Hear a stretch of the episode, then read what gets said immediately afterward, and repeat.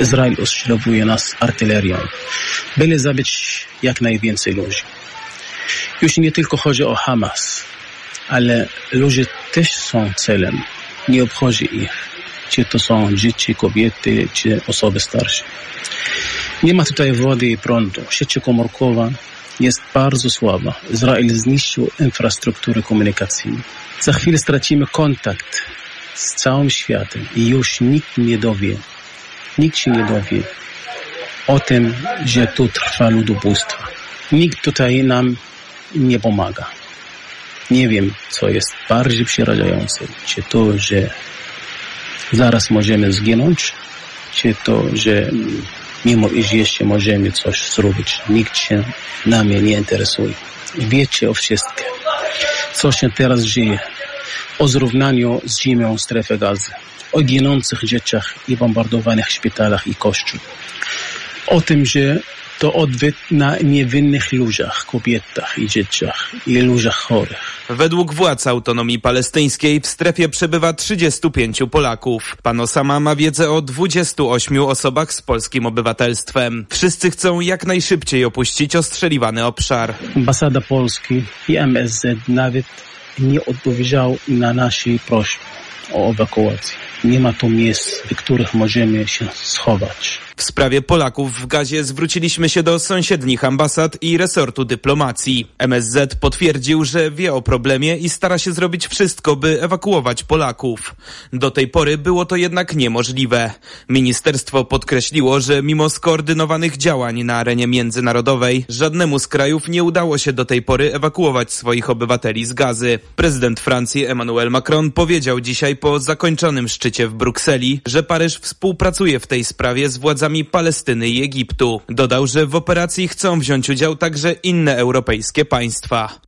Cezary Jaszczyk. Od początku tej fazy konfliktu zginęło ponad 7300 Palestyńczyków, w tym ponad 3000 dzieci. Tak informuje Hamas. Z kolei liczbę zabitych Izraelczyków szacuje się na około 1400. TOK 360 po powrocie Donalda Tuska z Brukseli, gdzie zabiegał o odblokowanie pieniędzy z KPO, Koalicja Obywatelska, Trzecia Droga i Lewica wracają do rozmów koalicyjnych. Do ustalenia jest podział stanowisk i wspólny program, ale przede wszystkim trzeba ustalić, jak to wszystko ustalić. Jeden z liderów Lewicy, współprzewodniczący partii Razem, Lewicy Razem, Adrian Zandberg, przekonywał w poranku Radia Tok FM, że kolejność powinna być następująca najpierw uzgadnia się pakiet programowy rządzenia, a potem do tego kształt Rady Ministrów. To, to jest jakieś ABC parlamentarnej demokracji. No i to jest proces, który jest ewidentnie przed nami. Ale Szymon Hołownia, szef Polski 2050, która razem z PSL-em tworzy trzecią drogę, widzi to już nieco inaczej. Podkreśla też, że pierwszy krok, czyli wskazanie Donalda Tuska jako wspólnego kandydata na premiera, został już wykonany. Druga sprawa, podział odpowiedzialności za obszary państwa, za Sejm, za Senat. Kluczowe miejsca w rządzie, to się w tej chwili toczy. Moim zdaniem od poniedziałku już zdecydujemy o tym w najbliższych godzinach. Powinny zacząć pracę zespoły, które szybko wynegocjują umowę koalicyjną. To nie powinno być specjalnie trudne, bo my w wielu miejscach się widzimy programowo. I w ten sposób, zdaniem Szymona Hołowni, przed pierwszym posiedzeniem nowego Sejmu, które ma odbyć się 13 listopada, wszystko powinno być jasne. Być może poza tym, czy prezydent Andrzej Duda nie powierzy jednak misji tworzenia rządu skazanemu na porażkę Mateuszowi Morawieckiemu. Który to Mateusz Morawiecki poleciał na swój ostatni, albo jeden z ostatnich unijnych szczytów, o którym zdążyliśmy już wspomnieć w TOK 360. W Brukseli wciąż szef rządu mówił o swoich obawach związanych z pracami nad zmianą unijnych traktatów, w tym przymiarkami do likwidacji prawa weta w niektórych dziedzinach. Pomysłodawcy tego rozwiązania tłumaczą, że to odpowiedź na szantaże ze strony niektórych państw. Mateusz Morawiecki, jako przedstawiciel jednego z niektórych państw, widzi to inaczej. Procedura większości kwalifikowanej, takiej czy innej, odbierze Polsce prawo decydowania o naszym własnym losie. Dwa dni temu za przyjęciem raportu w sprawie zmian w traktatach zagłosowała Komisja Spraw Konstytucyjnych Parlamentu Europejskiego. Od tego czasu politycy Prawa i Sprawiedliwości poświęcają tej sprawie bardzo, ale to bardzo, bardzo dużo uwagi. Ale unijny szczyt w Brukseli poświęcony był jednak innym sprawom. Wojnie między Hamasem a Izraelem, migracji, budżetowi, gospodarce. Poświęcony był też Ukrainie oraz pomocy dla tego kraju, o czym podsumowując szczyt mówiła szefowa Komisji Europejskiej Ursula von der Leyen. Komisja pracuje nad propozycją przeznaczenia zamrożonych rosyjskich aktywów na odbudowę Ukrainy. W debacie było to bardzo wyraźne. Jesteśmy skupieni na dalszym wspieraniu Ukrainy. Nadal będziemy wysyłać Ukrainie broń i amunicję. Nadal będziemy wspierać ją finansowo. Następnym krokiem jest przyjęcie pakietu pomocowego o wartości 50 miliardów euro. Ursula von der Leyen dodała, że w Brukseli wciąż trwają prace nad kolejnym, dwunastym już pakietem sankcji na Rosję, ale jedności nie ma, choć jest prawo weta.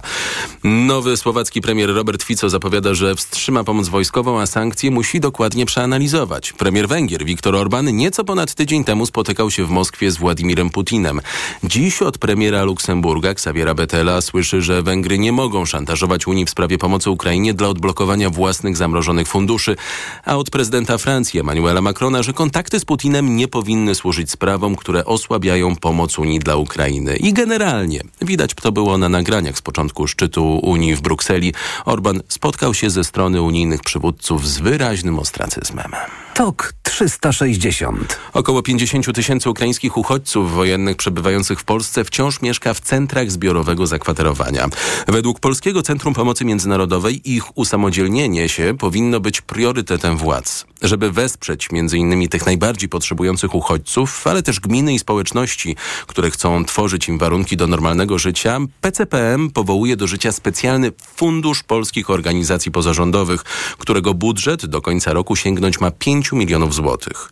O tym, kto będzie mógł ubiegać się o pieniądze i którzy spośród uchodźców z Ukrainy są w najtrudniejszej sytuacji, z szefem PCPM-u i pomysłodawcą funduszu Wojciechem Wilkiem rozmawiał reporter TOK FM Tomasz Węskę uchodźcy z Ukrainy w Polsce sobie dość dobrze poradzili. To znaczy znaczny odsetek znalazł pracę, ale to jest tylko wycinek prawdy. To znaczy jest spora grupa osób, które wciąż potrzebują pomocy. Rzeczywiście to, że 70% dorosłych uchodźców z Ukrainy w Polsce pracuje jest świetnym wynikiem. Natomiast według naszych e, szacunków około 30% uchodźców cały czas potrzebuje dość długotrwałej pomocy humanitarnej, z której finansowaniem jest coraz gorzej. Tutaj mówimy o osobach starszych, emerytach z Ukrainy. To jest około 7% uchodźców ci ludzie no, nie mają dostępu do polskiej pomocy społecznej. I też nie mają za co żyć, bo ukraińska emerytura jest no, bardzo niska jak na nasze warunki. Około 350 zł miesięcznie, więc nie mają za co się utrzymać. To są e, kobiety z małymi dziećmi. Nie mają za bardzo możliwości pozostawienia dziecka w żłobku czy w przedszkolu, bo bardzo często tam nie ma miejsc. Powiedzmy, jakieś preferencje dla dzieci z Ukrainy tworzą konflikty, nieporozumienia. Zrozumiałe, ale z tego też powodu te kobiety nie mogą pracować. Osoby z niepełnosprawnościami, dzieci Ogromnym wyzwaniem dla nas, czyli dla Polskiej Organizacji Humanitarnych jest to, że w porównaniu do 2022 roku środki, które otrzymujemy na pomoc dla uchodźców oraz społeczności goszczących uchodźców dla społeczności polskich są 80-90% niższe niż rok temu. My naprawdę nie mamy z czego finansować tych projektów. Polska jest traktowana przez rządy zagraniczne jako kraj rozwinięty. Który sobie poradzi który sobie poradził, ale przede wszystkim jest częścią Unii Europejskiej i z tego też powodu e, my, e, jako polskie organizacje, organizacje pozarządowe, ze względu na działania w Polsce, z punktu widzenia takiego formalnego, administracyjnego, nie mamy dostępu do tych międzynarodowych funduszy. Natomiast funduszy ze strony Polski, jego rządu, czy ze strony nawet Unii Europejskiej jest bardzo, bardzo mało. Dla nas jedyną szansą jest utrzymanie wsparcia ze strony międzynarodowych e, fundacji, szczególnie fundacji korporacyjnych, także polskich. Fund jest stworzony po to, aby właśnie tą, tą niestety dość ograniczoną pole pieniędzy skupić na najbardziej priorytetowych potrzebach, które byłyby wybrane w, w otwartym konkursie, natomiast ocena projektu byłaby dokonana przez ekspertów. To, co mnie, przyznam, zaskoczyło. Jeszcze około 50 tysięcy osób mieszka w, w, takich centrach zbiorowego zakwaterowania. Ja myślałem, że to już jest trochę pieśń przeszłości, a tu za chwilę będą dwa lata pełnoskalowej wojny Rosji z Ukrainą i mamy wciąż ludzi zbiorowo zakwaterowanych w Polsce, rozsianych po kilkuset ośrodkach. Jest to jeden z największych wyzwań obecnie, dlatego że widzieliśmy tego typu typu centra zbiorowego zakwaterowania w innych krajach na świecie, w Libanie, w Gruzji, w Kosowie, w Bośni i one zawsze się kończyły źle. Znaczy tego typu warunki tam, interakcje między ludźmi powodowały... To jest tłoczenie ludzi w dość sztucznych warunkach. W sztucznych warunkach ludzi sobie obcy, którzy mieszkają jeden na drugim przez dwa lata, zawsze to się źle kończy. I niestety warunki życia w polskich ośrodkach, choćby to były nawet i dobre warunki, to ta atmosfera psychologiczna będzie tam coraz gorsza. Więc dlatego jest priorytetową potrzebą jest wyprowadzenie osób stąd, dać im możliwość stanięcia na własne nogi. Jest to, jest to duże wyzwanie, gdyż na przykład w tego typu ośrodkach są osoby starsze. Tu jest, jest potrzebna pomoc na poziomie indywidualnym. Program wsparcia dla danej rodziny, czy dla danej go, nie wiem, e, małżeństwa staruszków, czy babci z dwojgiem wnucząt, którzy tam mieszkają, po to ten jest, właśnie jest nasz fundusz. Dlatego, że tego typu indywidualnych przypadków się nie rozwiąże dużymi programami rządowymi, gdyby nawet one jeszcze były. Kto będzie mógł się ubiegać o pieniądze z funduszu? Dopuszczamy także, żeby o te małe projekty e, ubiegały się ochotnicze straże pożarne, koła gospodyń wiejskich, parafie. Znaczy zależy nam właśnie na tym, żeby ci uchodźcy dobrowolnie się przeprowadzili do mniejszych miejscowości, aby tam właśnie mogli znaleźć tańsze mieszkanie na wynajem czy pracę. I z tego też powodu PopFund ma e, preferencje geograficzne. Dodatkowe punkty będą przyznawane projektom realizowanym poza 12 głównymi aglomeracjami Polski. Zachęcamy także organizacje do tego, aby do jednej trzeciej odbiorców projektu, a w przypadku projektów małych nawet połowa odbiorców projektu, to byli mieszkańcy lokalnych społeczności, Polacy, prawda, którzy na przykład potrzebują podobnego rodzaju wsparcia, więc jeżeli rodzina przeprowadzająca się do jakiegoś mieszkanka na wieś miałaby otrzymać wsparcie na przykład, nie wiem, bon na zakup mebli, a byłaby inna rodzina polska potrzebująca podobnego wsparcia, także podobne wsparcie powinna ona otrzymać. Niech ta pomoc trafi do wszystkich potrzebujących uchodźców, ale także tych y, osób potrzebujących ze strony lokalnych społeczności, gdyż jest to pomoc dla wszystkich potrzebujących. No i żeby uniknąć animozji. Dokładnie. Tomasz Fęska rozmawiał z Wojciechem Wilkiem, szefem Polskiego Centrum Pomocy Międzynarodowej o pomocy ukraińskim uchodźcom. 50 tysięcy z nich wciąż mieszka w centrach zbiorowego zakwaterowania. TOK 360. To był przełomowy tęczowy piątek, mówią aktywiści i zachęcają szkoły do wspierania uczniów LGBTQ+. Do udziału w dzisiejszej akcji, która przebiegała pod hasłem Safe Space, czyli bezpieczna przestrzeń, zgłosiło się ponad 100 placówek. Młodzi aktywiści oczekują, że minister edukacji, ten nowy minister edukacji, będzie sprzyjał budowaniu bezpiecznej przestrzeni w szkołach, mówi licealista z Podkarpacia Mateusz Trzaska. Chcemy edukacji antydyskryminacyjnej, która będzie uczyła młode osoby, jak radzić sobie ze swoją odmiennością, jak rozmawiać i jak się wzajemnie szanować. Chcemy, by w końcu Tęczowy Piątek mógł odbyć się pod patronatem tego ministerstwa. W końcu jest to akcja, która edukuje. O tym, czy to możliwe, rozmawiać będę w TOK 360 z Robertem Lisiewiczem z Fundacji Growspace, z Robertem Lisiewiczem zaangażowanym w tegoroczny tęczowy piątek. TOK 360. Rusza sezon grzewczy, koszty ogrzewania już teraz są wysokie, a do tego są nieprzewidywalne. Polski Alarm Smogowy postanowił więc zadbać o nasze portfele, pokazując jak zaoszczędzić tej zimy na ogrzewaniu i rady dla Państwa w TOK 360 ma reporter TOK FM Hubert Kowalski. Zeszła zima była dla nas wyjątkowo łaskawa, bo rekordowo ciepła. W Warszawie 1 stycznia było prawie 19 stopni Celsjusza. To niechlubny rekord, bo zmiany klimatyczne nie są powodem do radości, ale na pewno wpłynęło to pozytywnie na nasze portfele. Ta najbliższa zima to nadal wielka niewiadoma. Dlatego Polski Alarm Smogowy wystartował z kampanią Ciepło od zaraz, o której opowiadał mi rzecznik tej organizacji Piotr Siergiej. To jest kampania, w której my mówimy o tym, że możesz już teraz, właściwie już jutro, już dzisiaj zacząć oszczędzać na kosztach ogrzewania w swoim domu, bardzo często bezkosztowo. Bo oczywiście wiemy o tym, że jeżeli ocieplimy dom, wymienimy źródło ciepła, poniesiemy dosyć duże koszty, to koszty ogrzewania spadną często o połowę, bo w ocieplonym domu te koszty ogrzewania znacząco maleją. Warto więc pomyśleć o tym w dłuższej perspektywie. Zanim jednak ocieplimy nasz dom, możemy na przykład założyć rolety. Zakładanie rolet i zasuwanie tych rolet na noc, prawda? Co jest rzeczą dla mnie oczywistą, ale jeżdżąc zimą po, po Warszawie widzę, że bardzo wielu ludzi ma poodsłaniane okna w środku zimy, bo wolą pewnie patrzeć na gwiazdy, ale tracą ciepło. Warto też pamiętać, żeby odsłaniać rolety czy żaluzje za dnia, tak aby wpuścić do domu jak najwięcej światła, a co za tym idzie, ciepła. Drugą bardzo prostą rzeczą jest na przykład włożenie takiej pianki odbijającej energię między grzejnik a ścianę. To jest około 6 do 8% kosztów energii rocznie. Mniej, prawda? Zasłanianie okien, odsuwanie mebli od grzejników po to, żeby te grzejniki grzały powietrze, a nie meble. To są takie proste rzeczy, które w zasadzie niewiele kosztują,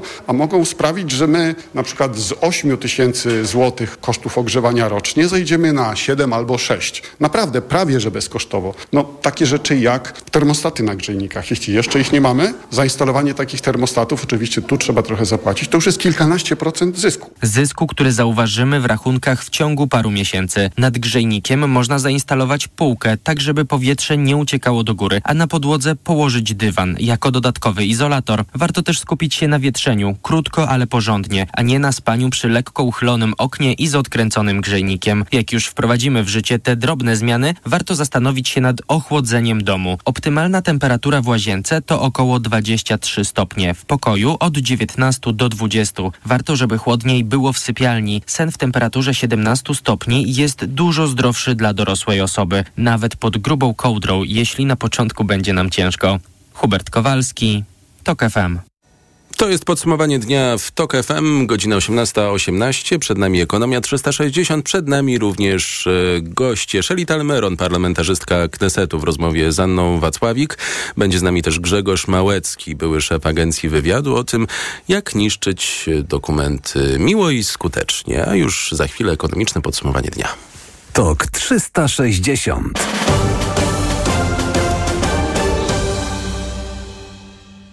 Opozycja totalna i potężne media, o których była tutaj już mowa, są w stanie przekręcić wszystko. Są w stanie powiedzieć na przykład, że dzisiaj w Warszawie, jak to mówił Tusk, było milion ludzi, chociaż i zdjęcia, i oświadczenia policji stwierdzają, że było 60 tysięcy. Rozumiem, że prezesowi tak powiedzieli, bo po co prezesa martwić? E, żeby się prezes nie przestraszył. No przecież widzieliśmy wszyscy, każdy, kto tam był, widział, że był tak, że była największa manifestacja, największy marsz, jaki kiedykolwiek był w e, Warszawie. Znaczy, naprawdę mam wrażenie, że ktoś prezesa okłamuje, żeby prezes się cieszył. Radio TOK FM. Pierwsze radio informacyjne. Posłuchaj, aby zrozumieć.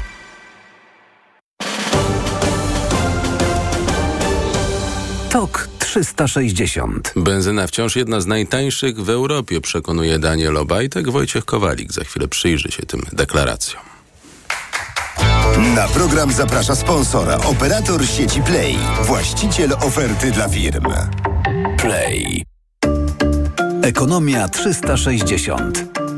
Wojciech Kowalik. Nawet 6,5 zł za litr diesla i benzyny. Z takimi cenami kierowcy muszą się liczyć przy wyjazdach na wszystkich świętych. Po podwyżkach z tego tygodnia rzędu kilkunastu groszy oba paliwa kosztują już 6 zł 30 groszy średnio w skali kraju i będzie jeszcze drożej, mówiła w raporcie gospodarczym TOK FM Urszula Cieślak z biura analitycznego Reflex. Musimy liczyć się z tym, że każdego dnia będziemy obserwować jakieś ruchy cen, to będą podwyżki. Prawdopodobnie będziemy do końca przyszłego tygodnia musieli liczyć się ze wzrostem ponownie o kilkanaście, o 20 groszy na litrze benzyny oleju napędowego. Szybko idą te podwyżki po tym, jak niektórzy mówią, przedwyborczym cudzie nad dystrybutorem. Tego można było się spodziewać? Jeżeli mówimy o jakby tym czynnikiem, który powodował zamrożenie cen, były wybory, to ich wynik dzisiaj e, daje nam odpowiedź, dlaczego one następują tak szybciej, mimo że wcześniej mieliśmy zapewnienia ze strony zarówno przedstawicieli rządu, jak i przedstawicieli PKN-u Orlen, że jakby nie ma powodów,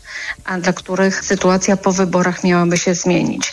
A zmieniła się, więc można powiedzieć, że jakby wynik wyborczy otworzył drogę do tych podwyżek, które obserwujemy obecnie. I będziemy obserwować, bo bariera 7 zł za litr jest już za zakrętem, dodaje Jakub Bogucki z ePetrol.pl. Niestety wszystko na to wskazuje, że ta siódemka gdzieś na horyzoncie majaczy. Wprawdzie to nie jest perspektywa jeszcze najbliższego tygodnia, dwóch, y, ale jeżeli ta sytuacja się utrzyma, jeżeli dodatkowo jeszcze sytuacja międzynarodowa będzie tak napięta, jak jest w tej chwili, y, myślę, że te 7 zł na, y, na dystrybutorach, jeśli chodzi o cenę oleju napędowego, czy nawet tej podstawowej benzyny 95-oktanowej, pod koniec listopada wygląda całkiem realnie. Mimo, że powtórzmy, prezes Orlenu jeszcze niedawno nie widział powodów do wzrostów cen, przed którymi eksperci ostrzegali od dawna.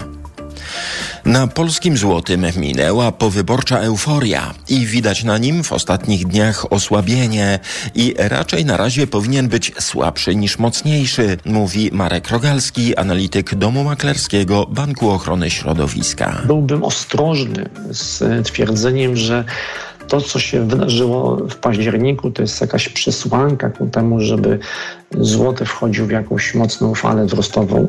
Jeżeli byśmy mówili o najbliższych tygodniach dla mm, polskiej waluty, to raczej widziałbym e, powrót pary euro-złoty powyżej poziomu 4,50 i być może mocniejszy ruch na dolar złotym, czyli tutaj nawet okolice 4,28, 4,30. Frank szwajcarski jeszcze wielu interesuje. Jakie tu prognozy? Złoty może być nieco jednak słabszy e, w perspektywie listopadowej. To tutaj e, frank no, raczej wyżej niż teraz 4,75 może nawet 4,80. Na razie dziś euro kosztuje 4 zł 46 groszy, frank po 4,67, dolar 4,22, funt po 5,12. Rosyjski bank centralny podnosi stopy procentowe i zaskakuje, bo to mocniejsza podwyżka niż spodziewali się ekonomiści. Bank przyznaje, że po kraju rozlewa się inflacja i to bardziej niż oczekiwano, a do tego dokłada się jeszcze bardzo słaby rubel. Tak bank centralny w Moskwie próbuje walczyć z gospodarczymi skutkami rosyjskiej agresji na Ukrainę. Tu Radio Tok FM, pierwsze radio informacyjne. Nadgodziny wciąż są plagą polskiego rynku pracy. Wykonuje je 85% pracowników. Najczęściej to około 5 godzin w tygodniu albo praca w weekendy. Głównym powodem jest zbyt dużo obowiązków, ale też wymagania szefów oraz kultura firmy, mówi współautorka opracowania Agnieszka Czarnecka z agencji rekrutacyjnej Hayes Poland. To takie staropolskie, nie mogę wyjść z pracy wcześniej niż wychodzi z niej mój przełożony. Nadal pokutuje takie przekonanie, że o zaangażowaniu pracownika, o tym jak bardzo przykłada się do swojej pracy, jak bardzo jest produktywny, decyduje czas, który w tej pracy spędził. Ta kultura długiej pracy, dużej ilości pracy, wymagań e, coraz większych w organizacjach wielu nadal funkcjonuje. To jest trochę taka duma z tego, że jesteśmy zajęci, że mamy co robić. To, co nam wpada do kalendarza, a już wysłane, zlecone przez struktury wyższe, przełożonych czy klienta, musi być wykonane tu i teraz natychmiast. Nie mogę wyjść z pracy, jeśli tych zadań nie skończę. Tymczasem no, raczej chyba potrzebujemy pogodzić się z tym, że nasza lista zadań dzienna nie zostanie zamknięta i że jest to raczej utopia. Ale podejście do pracy w nadgodzinach już się zmienia razem z zyskującym na znaczeniu trendem work-life balance, czyli równowagą życia zawodowego i prywatnego. Kiedyś taka operacja pozwalała oszczędzać energię. Dziś ekonomiczne korzyści są znikome, mówią eksperci o nadchodzącej w weekend zmianie czasu z letniego na zimowy. Dr Karol Kwiatkowski, dyrektor do spraw badawczych w Euros Energy. To jest pomysł i to oszczędzanie energii sprzed ponad 100 lat, to znaczy z czasów I wojny światowej. W tej chwili jest w zasadzie powszechny w całej Europie i z punktu widzenia energii odpowiedź jest w zasadzie jednoznaczna, że zmiana czasu nie ma uzasadnienia energetycznego. A jeśli wybierają się Państwo na przykład na weekendowe zabawy halloweenowe, radzimy sprawdzić, czy w noc zmiany czasu będzie się dało zapłacić kartą albo wypłacić pieniądze z bankomatu. Niektóre banki zaplanowały prace serwisowe, na przykład mBank czy ING Bank Śląski. Ekonomia 360. Na program zaprosił sponsor, operator sieci Play, właściciel oferty dla firm. Play. Radio TOK FM. Pierwsze radio informacyjne.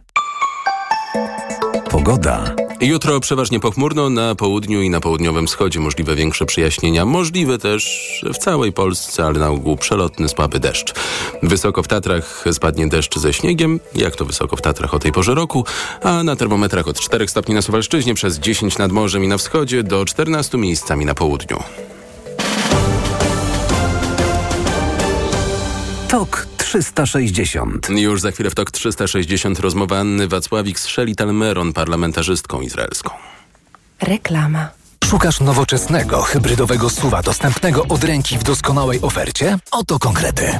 Hybrydowy Ford Kuga, stylowy i komfortowy SUV, bogato wyposażony i oszczędny. Teraz Ford Kuga w specjalnej ofercie wyprzedażowej z korzyścią finansową nawet do 37 tysięcy złotych z ubezpieczeniem na rok. Wciąż za mało? Do tego pakiet 4 lat ochrony Ford Protect, gwarancja i serwis w cenie samochodu to spokój na długi czas. Ford Kuga. Takiej oferty jeszcze nie było. Szczegóły u dealerów Forda i na Ford.pl. Zapraszamy. Szokująco niskie ceny w Black Red White. Teraz setki mebli i dodatków do 44% taniej oraz 10 wygodnych rat na cały asortyment. RRSO 0%.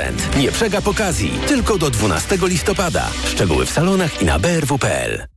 Najnowszym Forbesie twórca Impostu o tym, jaki ma plan na włączenie polskiego biznesu w odbudowę Ukrainy. Poznaj najnowszą listę 100 największych polskich firm prywatnych. Szukaj magazynu Forbes w punktach sprzedaży lub zasubskrybuj Onet Premium.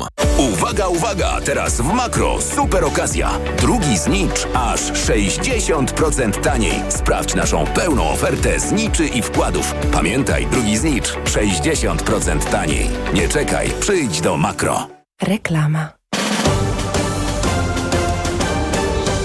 TOK 360. A już teraz, zgodnie z obietnicą, rozmowa Anny Wacławik z Sheli Talteron, to jest parlament, parlamentarzystka Knesetu z opozycyjnej wobec Benjamina Netanyahu partii Jeszatit. E, Poparcie przywódców świata dla Izraela jest widoczne, przyjeżdżają do Izraela ze wsparciem, ale ja jako osoba mieszkająca daleko w Europie widzę pewien problem w tym, że Europejczycy nie rozumieją, co to jest wojna, nawet mając ją blisko, bo w Ukrainie, i sądzą, że Hamas to jest partner do rozmowy. Rozumują w ten sposób, że problemy mm, można rozwiązywać przez rozmowę, negocjacje, jakieś działania dyplom dyplomatyczne. Dlatego też nie do końca rozumieją to, co tak naprawdę dzieje się mm, teraz w Izraelu i strefie gazy.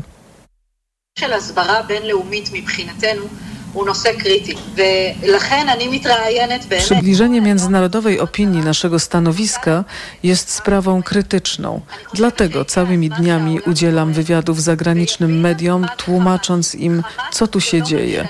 Myślę, że przyszedł czas, żeby świat się obudził i zrozumiał, co to jest Hamas. Hamas to nie rząd. On nie jest przedstawicielem narodu palestyńskiego, on jest przedstawicielem samego siebie, organizacji terrorystycznej, która chce zniszczyć państwo Izrael, tak jak i kulturę Zachodu, współczesną, liberalną, oświeconą. Jest to sprawa ogólnej koncepcji, którą świat musi pojąć. Nie chodzi o jakąś organizację, z którą można dojść do porozumienia. Nie chodzi o rząd, o ciało, któremu zależy na swoich obywatelach. Hamas używa swoich obywateli po to, żeby zwiększyć chaos. My apelowaliśmy do mieszkańców północnej strefy gazy, aby przemieścili się na południe, żeby nie ucierpieli. IDF, izraelskie siły obronne, a szczególnie lotnictwo, ostrzega mieszkańców, Palestyńczyków po to, żeby nie ucierpieli. Nie jesteśmy zainteresowani ranieniem ludności cywilnej. Staramy się jak możemy poinformować ich, łącznie z tym, że wykonujemy rozmowy telefoniczne. IDF dzwoni do mieszkańców, uprzedzając o atakach po to, żeby ich chronić. A co robi Hamas? Uniemożliwia im fizycznie, uniemożliwia im przejście na południe strefy, po to, by używać ich jako żywych tarcz. Oni chcą, żeby było jak najwięcej rannych, po to, by pokazać światu, że to Izrael atakuje ludność cywilną. Oni zmuszają swoich współobywateli, by zostawali, zabraniają im wychodzić z domów lub gromadzą ich w pobliżu szpitali, równocześnie trzymając w tych szpitalach składy z bronią. Kładą małe dzieci w workach na zwłoki, robią zdjęcia, a później te dzieci wstają i wychodzą.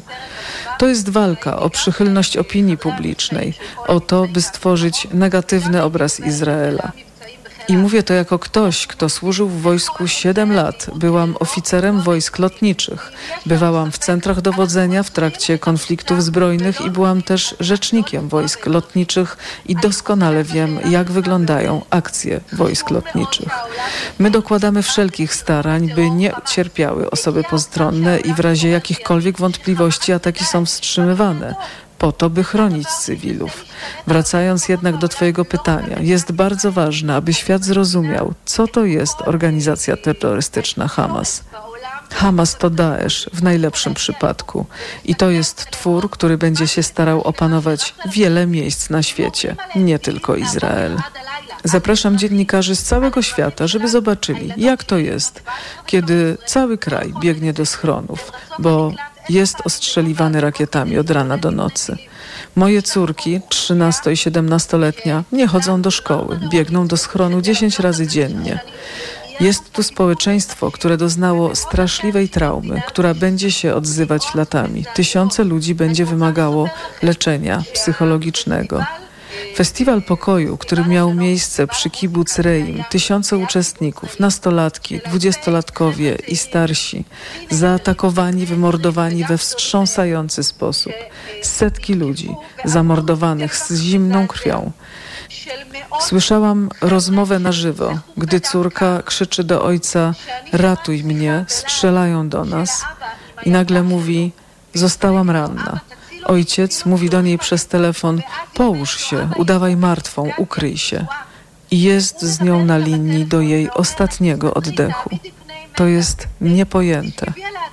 Słyszeć kobietę, paramedyczkę w kibucu Berit, która na początku ataku pobiegła do przychodni i przez cały dzień rozmawia z pogotowiem i wojskiem, informując o rannych. Na zewnątrz przychodni stoi kolega z obrony cywilnej, który broni jej do ostatniego naboju. Potem ona widzi i słyszy, jak go mordują. Słychać to na rozmowie telefonicznej. Ona krzyczy: Szachar, nie umieraj, nie umieraj. Wtedy terroryści ją znajdują i mordują. Gdzie na świecie, w którym kraju coś takiego byłoby do przyjęcia? Gdzie na świecie przemilczano by wymordowanie ponad 1400 osób, cywilów, jednego dnia w straszliwej rzezi, mordując, gwałcąc, paląc żywcem?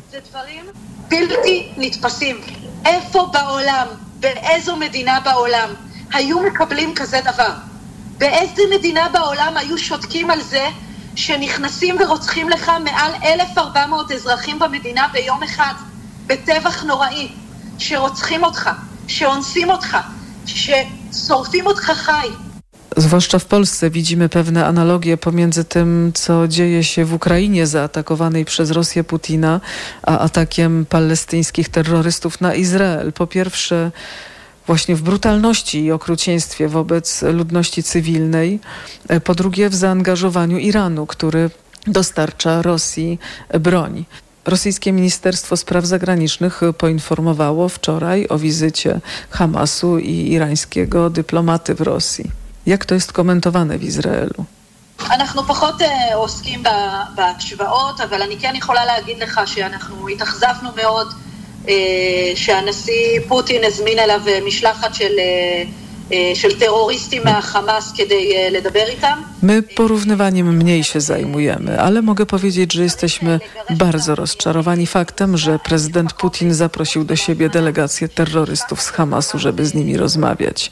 Sądzę, że powinien ich natychmiast wydalić z Rosji. Nie ma miejsca na rozmowy i zapraszanie Hamasu do Rosji. Ja mogę sobie tylko wyobrazić, co by się stało, gdyby to Rosja została zaatakowana tak jak Izrael 7 października gdyby zaatakowały ją tysiące terrorystów, gdyby wymordowano 1200 obywateli i porwano 224 osoby. Jestem pewna, że Putin zareagowałby w sposób zdecydowany bardzo i dlatego wzywamy do wydalenia Hamasu z Rosji i poparcie Izraela w obronie kraju.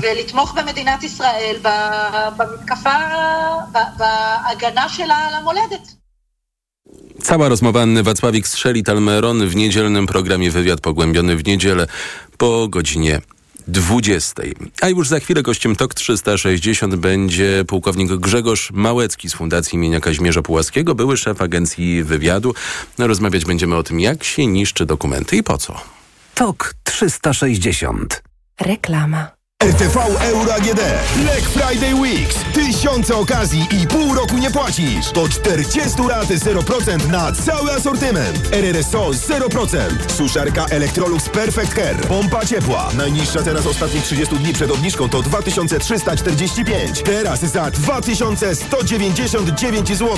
A w 20 latach tylko 110 zł miesięcznie. Promocja ratalna do 14 listopada. Szczegóły i regulamin w sklepach i na euro.com.pl Wow, ale promocja w Martes Sport. Aż 20% rabatu na odzież i obuwie dla wszystkich. Dla juniora. Dla dorosłych? Dla każdego. Oferta dotyczy również rzeczy już przecenionych. Adidas, Puma, Salomon, Hightech, Elbrus i wiele innych topowych marek znajdziesz w Martes Sport. Promocja obowiązuje przy zakupie za minimum 150 zł. Regulamin promocji dostępny w sklepach.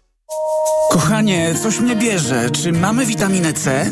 Ale tę naturalną, grinowite acerole. Mamo, jest acerola?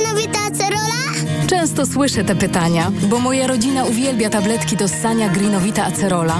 Dlaczego? To suplement diety z witaminą C w 100% naturalną. Zawiera ekstrakt z aceroli, który wspiera odporność mojej rodziny. Dodatkowo nie zawiera cukru i jest Przypyszna. Grinowita acerola. Odporność z natury. Zdrowit. Wielka Loteria Carrefoura. Rób zakupy za minimum 60 zł i wygrywaj tysiące złotych na kartach podarunkowych Carrefour. Loteria trwa tylko do 31 października. Zachowaj paragon i kupon loteryjny. Szczegóły i regulamin na loteria.carrefour.pl oraz na smolar.pl. Dni wyjątkowych okazji klubu Superfarm. Tylko do końca października aż 50% rabatu na kosmetyki do pielęgnacji i oczyszczania twarzy. Dermika, Garnier, L'Oreal Paris, Uzdrowisko i wiele innych. W drogeriach Superfarm w apce i na superfarm.pl. Superfarm. Każdy jest inny. Każdy jest super.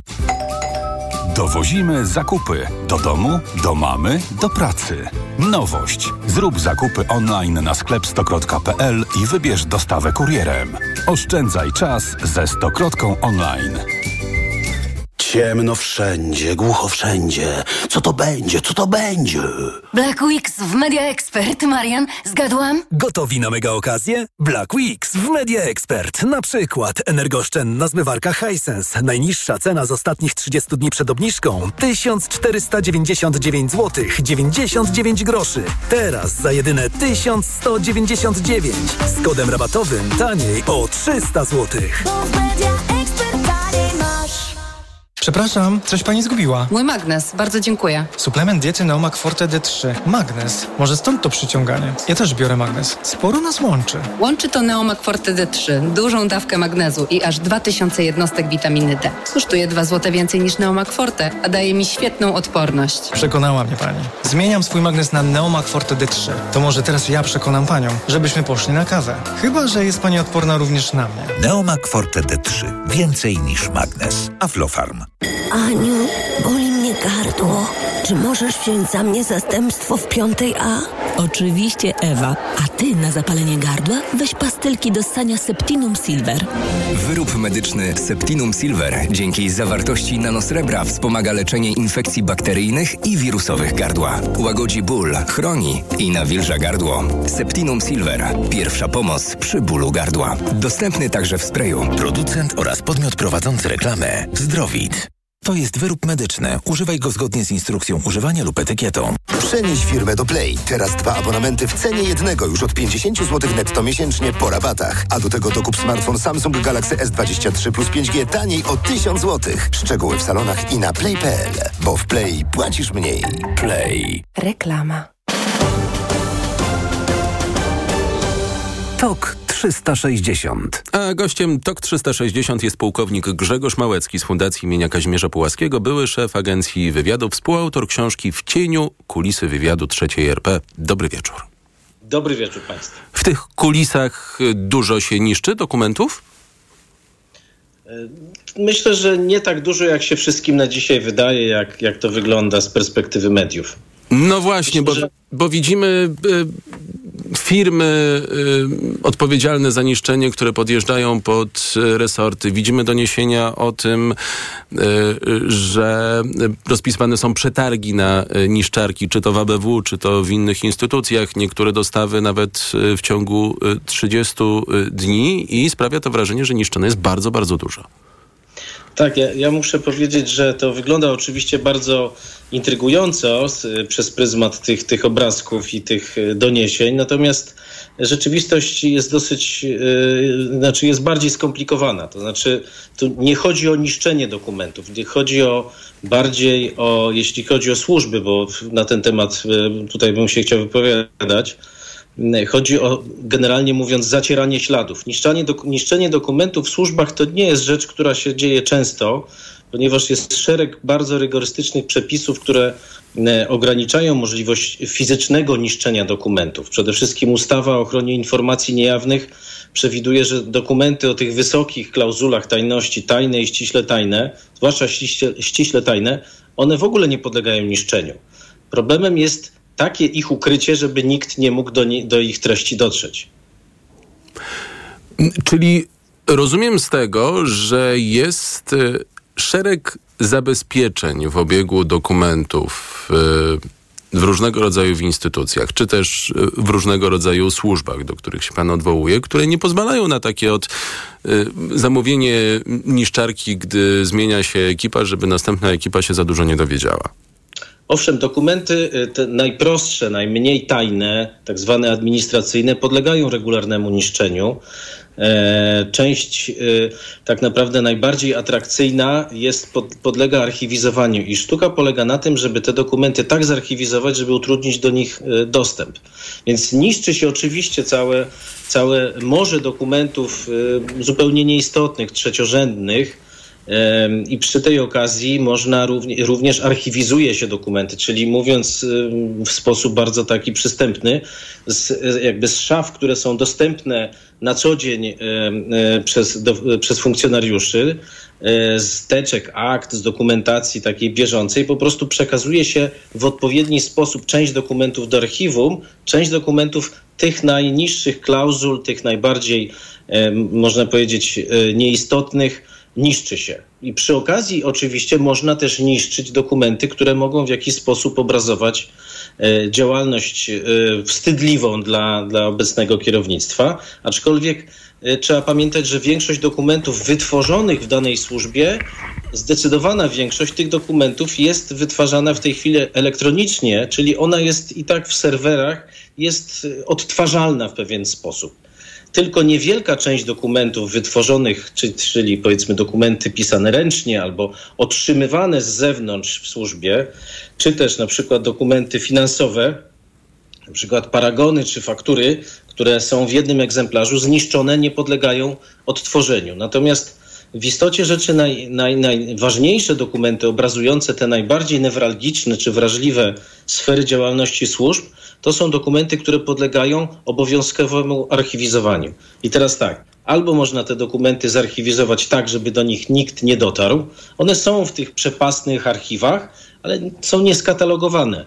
Na przykład dokumenty są wrzucone do jakiegoś segregatora, który ma nazwę zupełnie e, mylącą, albo też można dokumenty po prostu zmieniać ich oryginalną treść. Czyli na przykład wytworzyć po raz kolejny, wydrukować albo skopiować dokument, ale bez na przykład odpowiednich adnotacji dotyczących e, czy takich kompromitujących, na przykład przełożonych, którzy wydawali polecenia różne, które uznajemy e, z punktu widzenia prawa za nielegalne. Troszeczkę nie rozumiem sensu tego archiwizowania tak, żeby trudno było znaleźć. Rozumiem, jak to zrobić. Mm, rozumiem, że prosta kwerenda tutaj nie pozwoli takich dokumentów odnaleźć, ale dlaczego nie przepuścić ich w takim razie po prostu przez niszczarkę i powiedzieć, gdzieś one są, szukajcie w archiwum? Nie, nie, to w służbach specjalnych tak nie jest łatwo. Mhm. Te dokumenty ściśle tajne są przede wszystkim, czy tajne, są bardzo rygorystycznie ewidencjonowane w odpowiednich rejestrach. Każdy dokument wytworzony, e, e, który ma klauzulę tajności, jest dokumentem zarejestrowanym z opisem treści, z podpisami osób, które je wytwarzały. E, I ten dokument zarejestrowany nie podlega, dokument ściśle tajny jest wieczyście przechowywany. On nie, pod, nie może być po prostu zniszczony. Każda osoba, która zniszczy taki dokument, jest poddana, jest po prostu ponosi konsekwencje prawne. E, w najlepszym wypadku dyscyplinarne, a w najgorszym e, karne. E, czy jak to się robi fizycznie? Jeżeli już się niszczy, nie mówię o tych dokumentach ściśle tajnych, ale o tych mniej istotnych administracyjnych, czy to jest niszczarka taka, jaką mamy tutaj nieopodal, trochę się zacina, ale generalnie daje radę, tylko trzeba pamiętać, żeby wyjąć wszelkiego rodzaju zszywki? Czy, czy dzisiaj się korzysta już z innych metod, biorąc pod uwagę też ten elektroniczny dostęp dokumentów, czyli jakieś nadpisywanie i tak dalej? Znaczy, to nadpisywanie to jest rzecz oczywista, prawda, ale to, to, to, to są rzeczy, które wymagają specjalnego specjalnych uprawnień i kompetencji takich y, faktycznych. To normalnie funkcjonariusz nie zajmuje się niszczeniem, no, bo nie ma takiej możliwości, żeby zniszczyć dokument, który sam wytworzył. Dokument, który wytwarza w systemie elektronicznym, jest tam zapisany i on nie ma uprawnień do tego, żeby ten dokument zniszczyć. To tu, tu już musi być decyzja przełożonych wyższego szczebla, którzy muszą z innej zupełnie pozycji, czyli tak naprawdę łamiąc przepisy, w jaki sposób ten e, dysk e, nadpisywać czy, czy, czy wymazywać. To, to jest działanie, które w świetle przepisów prawa nie jest, e, jeśli mówimy o dokumentach niejawnych, nie jest w ogóle przewidziane. Natomiast te dokumenty niższych klauzul, dokumenty administracyjne, dokumenty bieżące, to, to jest procedura dość, dość e, rutynowa. W, każdej instytucji publicznej dokumenty są według przepisów e, ustawowych dotyczących archiwizowania dokumentów. One są po prostu e, katalogowane, są według ich, według ich właściwości, są w odpowiedni sposób katalogowane i przechowywane przez jakiś okres czasu, a część tych dokumentów z natury rzeczy nie podlega przechowywaniu i jest po prostu niszczona na bieżąco. To znaczy część dokumentów, zwłaszcza roboczych, funkcjonariusze po prostu, bo, bo, często przy tworzeniu jakiegoś dokumentu powstaje ileś kopii, e, później one podlegają zmianie, weryfikacji, korekcie. Te dokumenty są po prostu, powinny być e, niszczone na bieżąco. Natomiast te, które są później przechowywane, tak jak powiedziałem, podlegają przechowywaniu przez e, krótki czas, przez 5, 10, 15 lat, a te najwyższych klauzul są przechowywane wieczyście i te dokumenty nawet w archiwum podlega, podlegają co, jak, co, co roku w zasadzie e, archiwum powinno przeglądać dokumenty i te, które, których czas przechowywania minął, one po prostu są niszczone. Oczywiście, jeśli to dotyczy większej ilości, yy, większej partii dokumentów, są niszczone w specjalnych niszczarkach, które rzeczywiście w taki sposób je niszczą, że one są w żaden sposób nie do odtworzenia. Nie wiem, na ile rzeczywistość służb można przekładać na rzeczywistość administracji publicznej, ale czy te y, sygnały, których jest w tej chwili w mediach bardzo dużo, o domniemanym, będę to podkreślał, niszczeniu y, dokumentów, żeby coś ukryć, czy to te furgonetki, czy, y, czy przetargi, y, zapalają w panu jakąś lampkę alarmową, y, czy cytując rzecznika rządu, naoglądaliśmy się trochę za dużo filmów wszyscy?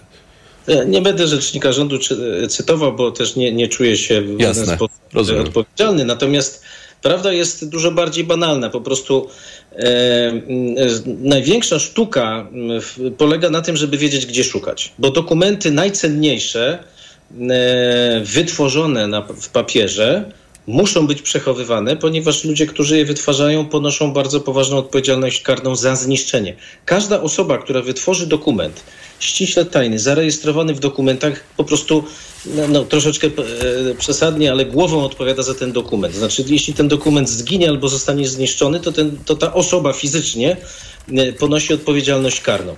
Natomiast istnieje rzeczywiście jeszcze pewna grupa dokumentów, o których nie wspominaliśmy.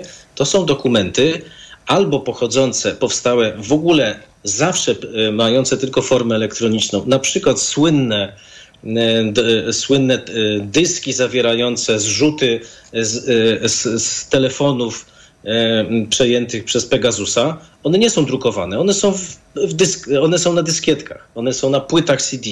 I te dokumenty rzeczywiście, te dyskietki bardzo łatwo jest zniszczyć. Ich ewidencja nie jest tak bardzo rygorystycznie przestrzegana i oczywiście duża, jeszcze jest duża rzesza, duża grupa dokumentów, tak zwanych dokumentów z kontroli operacyjnej, drukowanych powiedzmy treści, to się nazywa stenogramy rozmów, które są zabezpieczone, które powinny być zgodnie z przepisami, jeśli nie są uznane za istotne dla prowadzenia sprawy, powinny być zniszczone na bieżąco. Natomiast bardzo często te dokumenty są długo przechowywane i wykorzystywane w sposób sprzeczny z przepisami. I myślę, że właśnie w tej chwili mam, możemy mieć do czynienia z takim gwałtownym niszczeniem tych dokumentów, które nielegalnie były przechowywane, bo powinny być natychmiast po uznaniu ich bezwartościowego, znaczy braku wartości dla, z punktu widzenia prowadzonego postępowania, ale jednocześnie mające pewną e, wartość, e, powiedzmy, medialną, e, te dokumenty były przechowywane i w tej chwili z całą pewnością są niszczone. Bardzo dziękuję. Pułkownik Grzegorz Małecki z Fundacji imienia Pułaskiego, były szef agencji wywiadu, był gościem TOK 360. Za chwilę Robert Lisiewicz z Fundacji Grow Space po tęczowym piątku. TOK 360 Dlaczego bronicie ruskich wpływów, a dlaczego nie bronicie interesów polskich obywateli, których jesteście reprezentantami? Ta władza ma jeden scenariusz działania: oskarżyć innych o to, co sama robi. Zobaczcie, co zrobiliście z Polską. Wypis, wasz sojusznik Ziobro i wasz długopis Duda. To, co robicie, to jest czysta sowietyzacja. Wstyd, Sikorski, że byłeś kiedyś ministrem spraw zagranicznych. Wstyd, że na tej sali są byli polscy premierzy, którzy kiedyś reprezentowali również partię, która zaciągała w Moskwie pożyczki. Wasz obóz to neosowiecka banda, która marzy o wypisaniu Polski z Unii Europejskiej. O niczym innym nie marzy Putin. O rozpadzie naszej wspólnoty. Radio TOK FM. Pierwsze radio informacyjne. Posłuchaj, aby zrozumieć.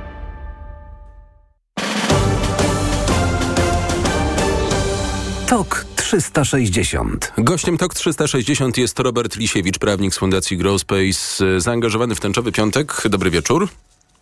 Dobry wieczór. Piątek, który już dobiega e, końca. Tęczowy piątek to oczywiście e, akcja wsparcia dla uczniów LGBTQ. E, w tym roku pod hasłem Safe Space. Sukces? Myślę, że tak. W tym roku y, mieliśmy tych zgłoszeń więcej niż w poprzednich latach, gdy y, ta akcja była organizowana y, i mamy nadzieję, że to będzie takie nowe otwarcie do odbywania, do świętowania tego tęczowego piątku już w tak całkowicie przyjaznej atmosferze, bez gruźb ministra, kuratoriów czy na przykład konferencji episkopatu. 100 szkół w tym roku przystąpiło do akcji. To jest rzeczywiście dużo więcej niż przed rokiem, około 70% więcej niż przed rokiem. Takie nawet informacje znalazłem, ale 100 szkół w skali całego kraju to wciąż wydaje mi się bardzo mało. No tak, tak, to prawda. To, to jest oczywiście zawsze niewystarczająca liczba, e, zwłaszcza, że z naszych badań Fundacji Growspace wynika, że aż 93% osób uczniowskich wie o obecności osób ze społeczności LGBTQ w swojej szkole, natomiast jedynie, e, znaczy aż 53% uważa, że ich sytuacja jest trudna lub niewystarczająco dobra, więc no, oczywiście postulatem jest to, aby ten tęczowy piątek miał miejsce w szkole każdego dnia. Mm, czy są szkoły, w których nie trzeba robić tęczowego y, piątku. Ja byłem w minionym roku y, w jednym z liceów y, w Warszawie, gdzie mam wrażenie, że y, że to było tak otwarte miejsce, że, że, że być może to nie było konieczne. E, rzeczywiście są takie miejsca w Polsce, gdzie ta otwartość jest zdecydowanie e, wyższa niż taka średnia krajowa, natomiast uważam, że e, no, ten czołowy piątek to jest zawsze wartość dodana pod tym kątem, że w tym roku skupiamy się też na takiej edukacji antydyskryminacyjnej. Tęczowy piątek będzie trwał też po dzisiejszym dniu, e, jeżeli chodzi o projekt, więc e, myślę, że taka konieczność jest w każdej szkole, zwłaszcza, że z badań Fundacji Growspace wynika też, że jedynie w 18%, jedynie 18% e, społeczności uczniowskiej brało udział w akcjach antydyskryminacyjnych czy takich równościowych, więc de facto tęczowy piątek zastępuje w dużym stopniu takie zajęcia w szkole.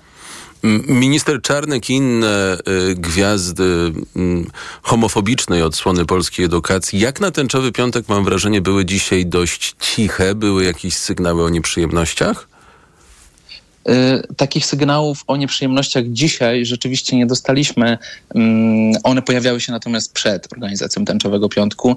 Dość y, sporo mieliśmy tego typu y, sygnałów, że dyrekcja już na wstępie nie zgadza się na to, aby w ich szkole odbywał się Tęczowy Piątek lub wprost mówi o tym, że za rok dopiero zdecyduje się na to, ponieważ no, otwarcie boi się y, działań ministra jeszcze obecnie panującego. Y, I tak jest mm, nie tylko w tym roku. Minister Czarnek ma na swoim koncie wypowiedzi na przykład z tamtego roku, w której powiedział o tym wprost, że osoby, które organizują czy dopuszczają do organizacji przez osoby uczniowskie tego święta są nieodpowiedzialne i e, nie dbają o właściwą edukację i wychowanie dzieci.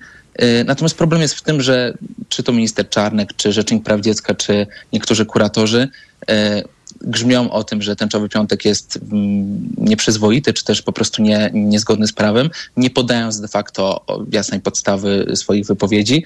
Jedynym tak naprawdę jest artykuł 86 ustęp 2 prawa oświatowego, który nie ma zastosowania do tego tęczowego piątku, który ma miejsce dziś, ponieważ Fundacja Growspace jest inicjatorem tego projektu, natomiast tak naprawdę osoby uczniowskie e, są organizatorami, organizatorkami tego święta w swoich szkołach.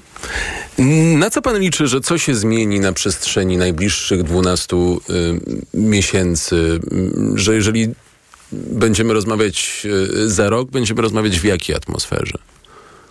No, w atmosferze dużo bardziej przyjaznej. Tak naprawdę nie wiemy jeszcze, kto zostanie ministrem lub ministrą edukacji, ale jestem przekonany i głęboko wierzę w to, że te działania e, będą mm, szły w tym kierunku, aby tęczowy piątek nie był jedynie taką wyspą na tle całego roku, w której ta szkoła po prostu nie może być przyjazna przed nadzór takiego, a nie innego ministra i że będzie jak najbardziej otwarcie, więc nawet tutaj patronat oficjalny Ministerstwa Edukacji e, jest w moich wyobrażeniach i liczę na to, że tak będzie. Jakieś systemowe wyzwania y, są po, y, wygląda na to dobiegającej końce epoce Przemysława Czarnka? Myślę, że na pewno i one są większe niż kiedykolwiek do tej pory. My w Fundacji Growspace mówimy od jakiegoś czasu, że podstawowym takim problemem jest kwestia zadbania o zdrowie psychiczne i że to bezpośrednio koreluje z kwestią dbałości o właśnie komfort przebywania w szkole osób LGBTQ+. Mm, I myślę, że to jest takie najważniejsze zadanie, aby w każdej szkole ta mm, pomoc psychologiczna na dobrym poziomie była zapewniona i jest to niewątpliwie zadanie niełatwe, natomiast no, nie można tego odkładać w czasie. Tak, tutaj minister zdrowia też się musi włączyć, bo pamiętam dane e, dotyczące tego, jak długo czeka się na wizytę u psychiatry e, dziecięcego i są to dane przerażające. Robert Lisiewicz, prawnik z Fundacji Growspace był gościem TOK 360. Bardzo dziękuję za